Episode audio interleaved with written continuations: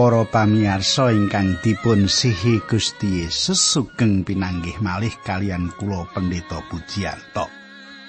Kados pundi pawartos panjenengan kadang kula sae-sae toh pandonga kula panjenengan tansah sae-sae lan diberkahi dening Gusti Allah. Kados padatan kula badhe sesarengan kalian panjenengan wonten ing salebetipun adicara margi utami. Tumrap panjenengan ingkang nembe kemawon mirengaken adicara menika panjenengan pirsa bilih adicara margi utami menika sinau lan gegilut pangandikanipun Gusti urutan saking purwaning dumadi ngantos kitab Wahyu. Nanging samenika panjenengan kula dherekaken nyemak kalih Korintus, kitab kalih Korintus mekaten. Namung kepanjenengan nyaket kalian kula mriki sugeng midhangetaken adicara menika.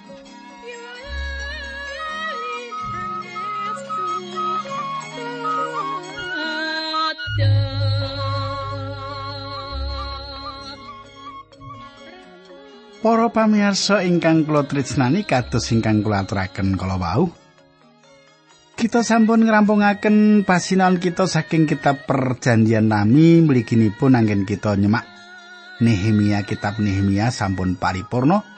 Samenika panjenengan kula dherekaken nyemak pangandikanipun Gusti saking kitab Perjanjian Baru inggih menika saking serat kalih Korinta utawi kalih Korintus. Nah, kita badhe sinau wiwit samenika nanging saderengipun menika monggo kita tumungkul kita ndedonga langkung rumiyin. Duh Kanjeng Rama ingkang dampar wonten kraton ing kasuwargan kawula ngaturaken gunging panuwun menawi menika kawula saged tetunggilan lan saged sinau sesarengan pangandikanipun paduka supados pangandikan paduka saged ngiyataken kawula. Kawula pasrahaken adicara menika wonten ing asta paduka linambaran asmanipun Gusti Yesus Kristus kawula ndedonga Haleluya. Amin.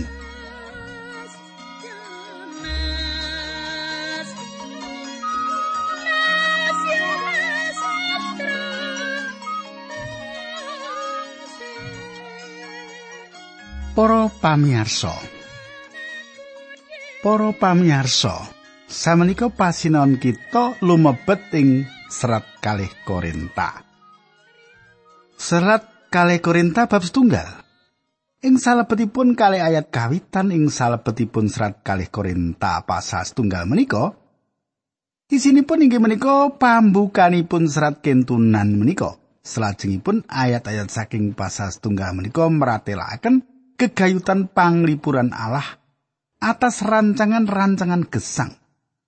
Kita saged nyemak ing mriki bilih Paulus saestu estu miwiti seratipun kanthi satunggal seratan ingkang penting Monggo kita miwiti nyemak ayat tunggal saking serat kalih Korintas tunggal menika. Monggo panjenengan semak ayat setunggal. Layang saka Paulus sing saka kersani Allah katimbalan dadi rasule Gusti Yesus lan saka sedulur kita Timotius tumeka marang pesamani Allah ing kutha Korintus lan marang sakai umat Allah ing satana akaya kabeh. Kadang kula Paulus nyerat kanthi kawenangan minangka jejeripun rasul. Kula ngraosaken bilih peladusan wonten pundi kemawon ing jaman menika menawi kedah khotbah. Khotbahipun kedah kanthi kepak pangwaos. Mboten wonten ginanipun nyobi martosaken pangandikanipun Gusti menawi ingkang khotbah piyambak mboten yakin kekayutan kayektosan ingkang wonten menika. Menawi satunggal pelados mboten nglantaraken pangandikanipun Allah kanthi kebak pangwaos. Pramila pelados menika kedahipun gantos pendamelan sanesipun. Tiang menika mboten perlu meksa badanipun jegur salebetipun peladosan. Panjenengan kedah mangertos bilih sejatosipun kathah sanget tiang ingkang mboten yakin bilih kitab suci menika sayektosipun pangandikanipun Gusti Allah. Lan inggih menika karingkian gereja jaman samenika.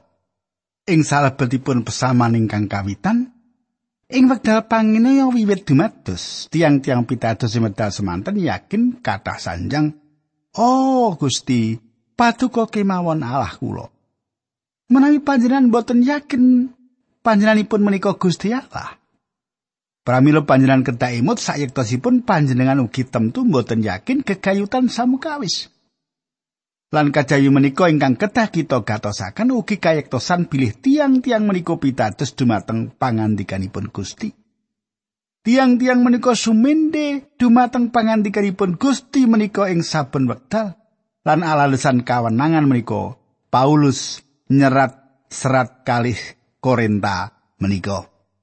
Selajengipun dipun ngendikaken Paulus dados rasul awit saking kersanipun Gusti Allah.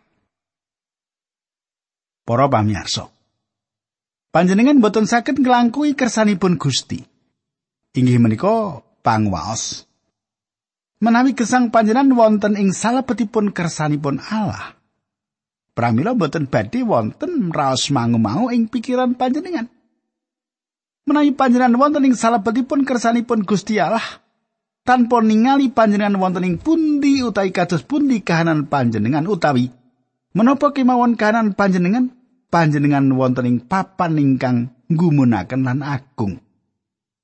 Saged ugi panjenengan samenika sawek wonten ing griya sakit. Menawi kahanan ingkang kados makaten menika panci dados kersanipun Gusti Allah pramila inggih menika papan ingkang cocok kangge panjenengan. Kula gadah rencang ingkang dados pemimpin musik Piyambakipun pakulinanipun wiwit pujian ibadah ngungelaken not-not ingkang lucu. Satunggalipun dinten kula mireng piyambakipun sanjang, rak panjenengan langkung remening mriki ketimbang ing griya sakit ingkang paling sae ing kita menika to. Kula tansah gumujeng manawi mireng. Nanging kula ugi mikir menapa ingkang dados tembungipun rencang kala wau.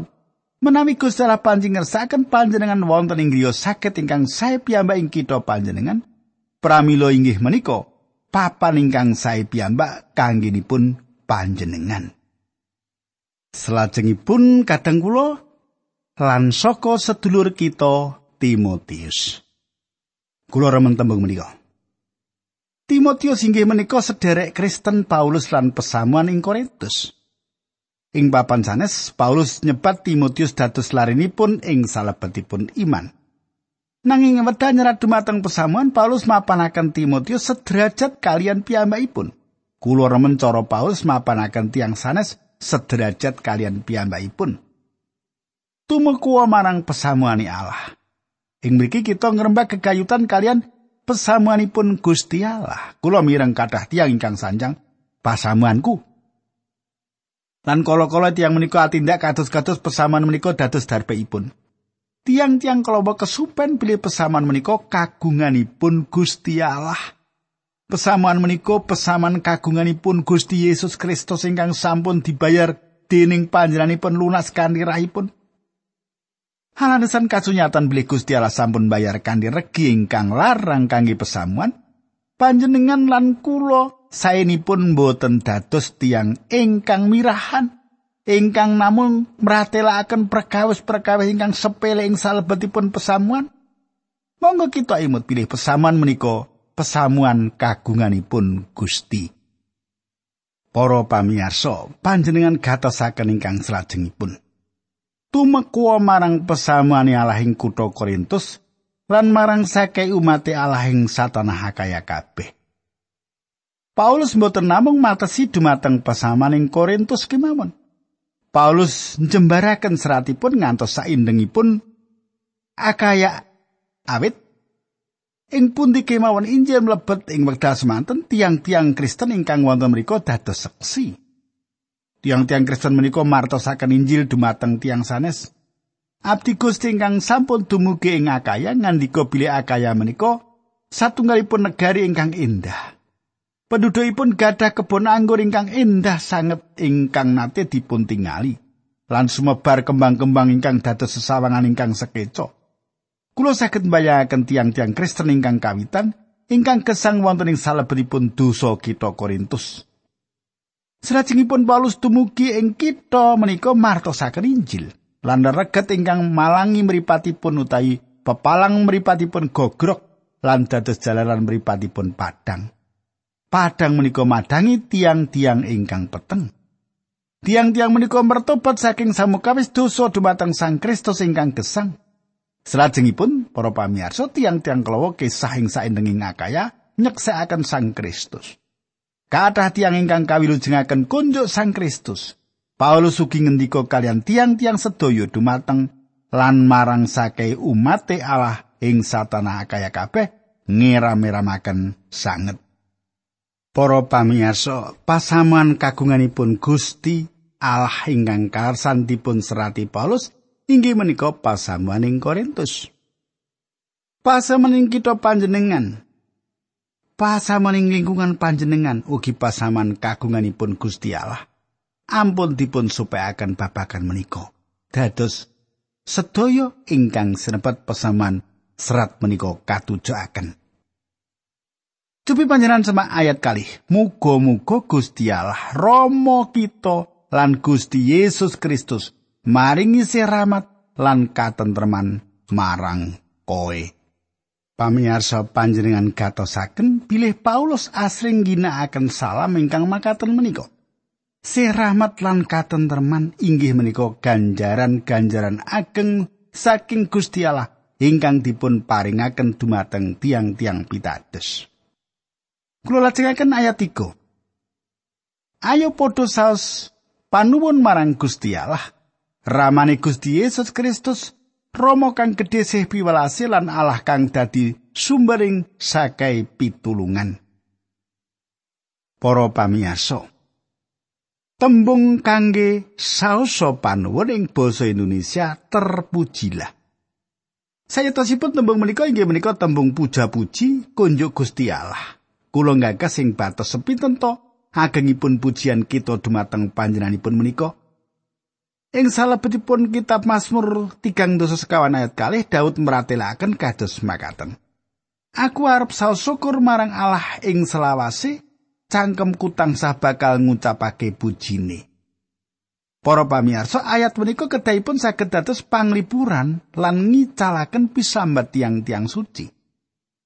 Perkawis ingkang kedah kita tindakaken sayektosipun inggih menika ngluhuraken Gusti.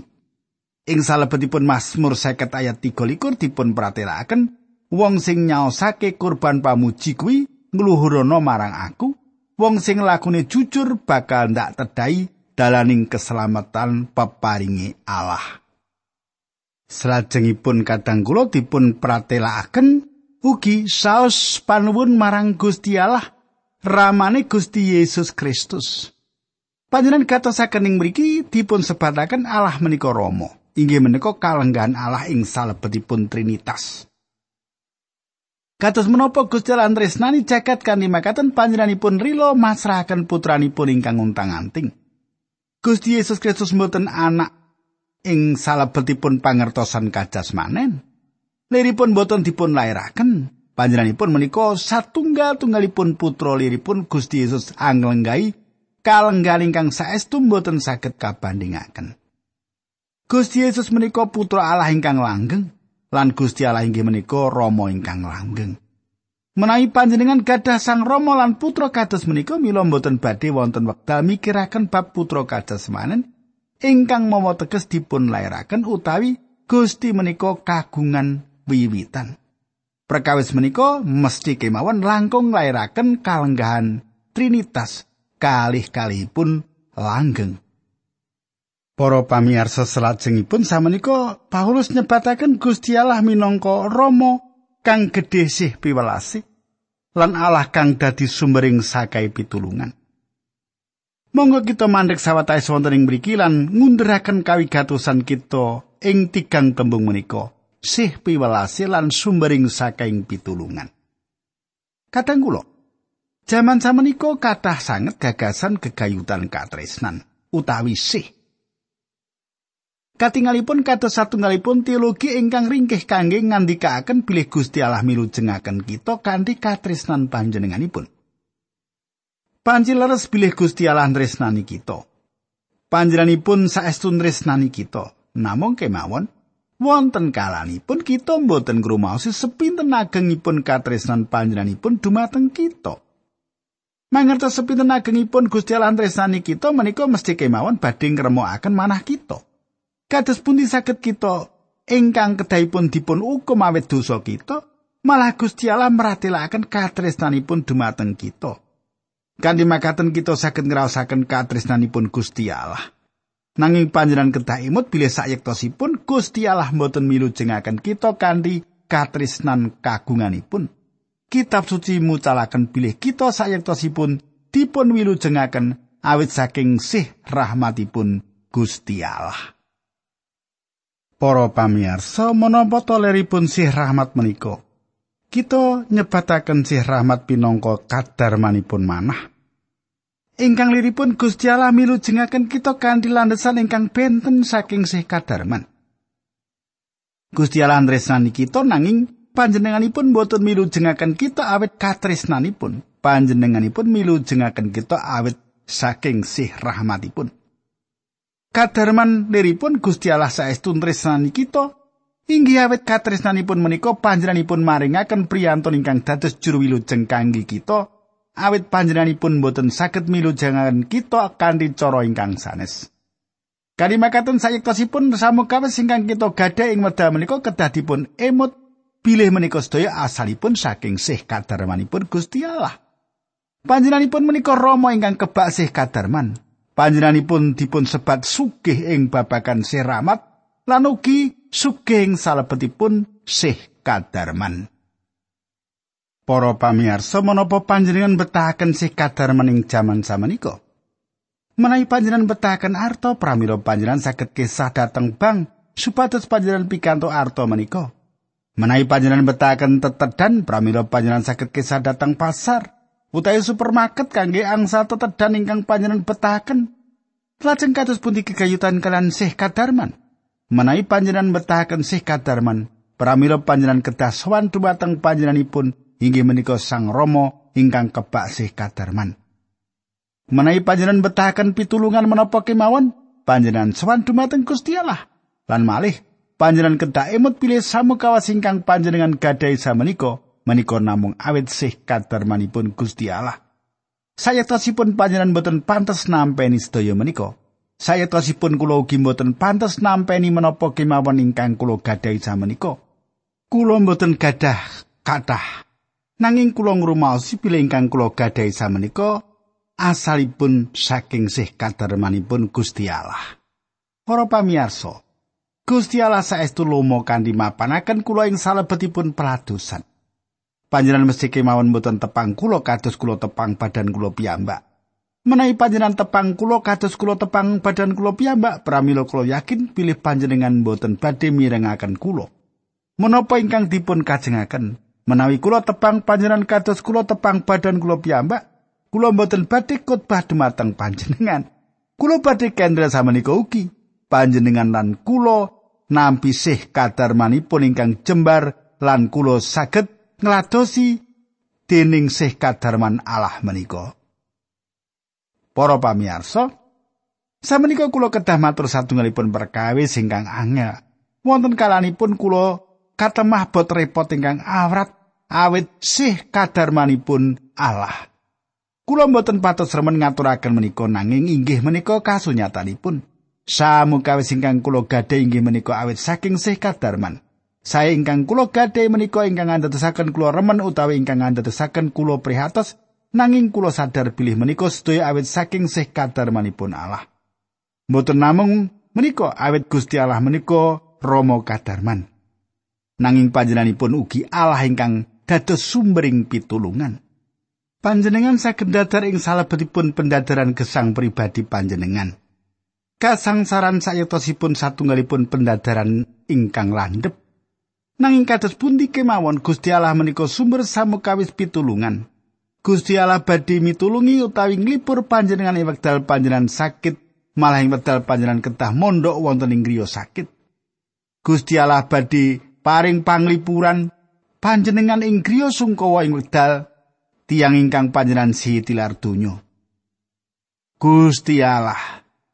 Gusti Allah mesti kemawon saged paring pitulungan dumateng panjenengan ing wekdal menapa kemawon laning pundi kemawon. Gusti Allah badhe maringi kegiatan lan panglipuran dumateng panjenengan ing wekdal panjenengan nglampahi perkawis gesang utawi bot repot gesang ingkang awrat. Kenging menapa? Awit panci panjenenganipun menika Allah sumbering samukawis pitulungan panglipuran. Para pamirsa. Ing mriki manggihaken panglipuran ingkang sejatos. lan ugi panglipuran ingkang palsu. Kula mboten remen mireng tiang-tiang ingkang sambat-sambat lan sanjang. Gusti Allah wis ngidinake perkara iki nempuh aku lan aku nampa kahanan iki. Kamangka sayektosipun tiang-tiang menika mboten nampi kahanan nanging balelo lan nyobi lumawan. Kita kedah jujur dumateng Gusti Allah. Panjenengan matur dumateng panjenenganipun menapa ingkang sayektosipun panjenengan raosaken? Panjenengan matur dumateng Gusti Allah menawi panjenengan panci mboten remen kanthi perkawis ingkang nempuh panjenengan. Lan malih Gusti Allah sayektosipun mirsani menapa ingkang nempuh panjenengan menika. Dados kangge menapa panjenengan nutupi Gusti Allah ngersakaken panjenengan matur kanthi jujur lan tinar dumateng panjenenganipun. Panglipuran mesti kemawon saged sejatos nanging ugi saged palsu. Para pamirsa, wonten satunggal gagasan ingkang misuwur ingkang nganggep panglipuran menika sajenis tembung ingkang kangge nenangaken. Kula kemutan wedal kula tasih alit, kula tansah dawah lan dengkul kula tatu. Kula tansah tanglet ing batos. King menapa ibu kok mboten nyelanani kula ngangge celana panjang? Ibu panjen mboten nate nyelanani panjang kula. E wedal dengkul kula tatu, ibu namung ngesun dengkul kula ingkang tatu lan sanjang. Wis mesti mari. Mesti kemawon ibu kula mbudidaya ngapusi kula supados kula gadah pikiran menawi tatunipun waras lan kula badhe mandek nangis. Menika naminipun rasan. rasanipun legi lan nyenengaken nanging dumugi wektalipun ing wekdal kula kesah sekolah lan manah kula kuwatos sawit kula mboten gadah harta salajengipun ibu badhe lenggah lan ngandikan dumateng kula menika obat ingkang saestu manjur ibu kula badhe sanjang kowe kudu dadi bocah lanang anakku tembung menika mesti kemawon nenangaken kula kadang kula tiang-tiang pados samukawis kangge nampeni panglipuran wonten tiang ingkang sanjang whisky utawi inuman keras menika saged nyukani panglipuran. Nanging sejatosipun whisky utawi inuman keras menika sanes panglipuran. Whisky malah saged lan malah asring ngrisak rumah tangga. Kata ugi tiang ingkang melajeng dateng narkoba lan sanjang pilih tiang-tiang menika sampun nampeni panglipuran. Nanging menapa leres kados makaten? Mesti kemawon boten-boten panglipuran ing mriku. malah ingkang wonten namung kasangsaran lan panandang. Kadang kula, tembung Yunani kangge panglipuran inggih menika parakaleo. Ingkang liripun pados ingkang nganti.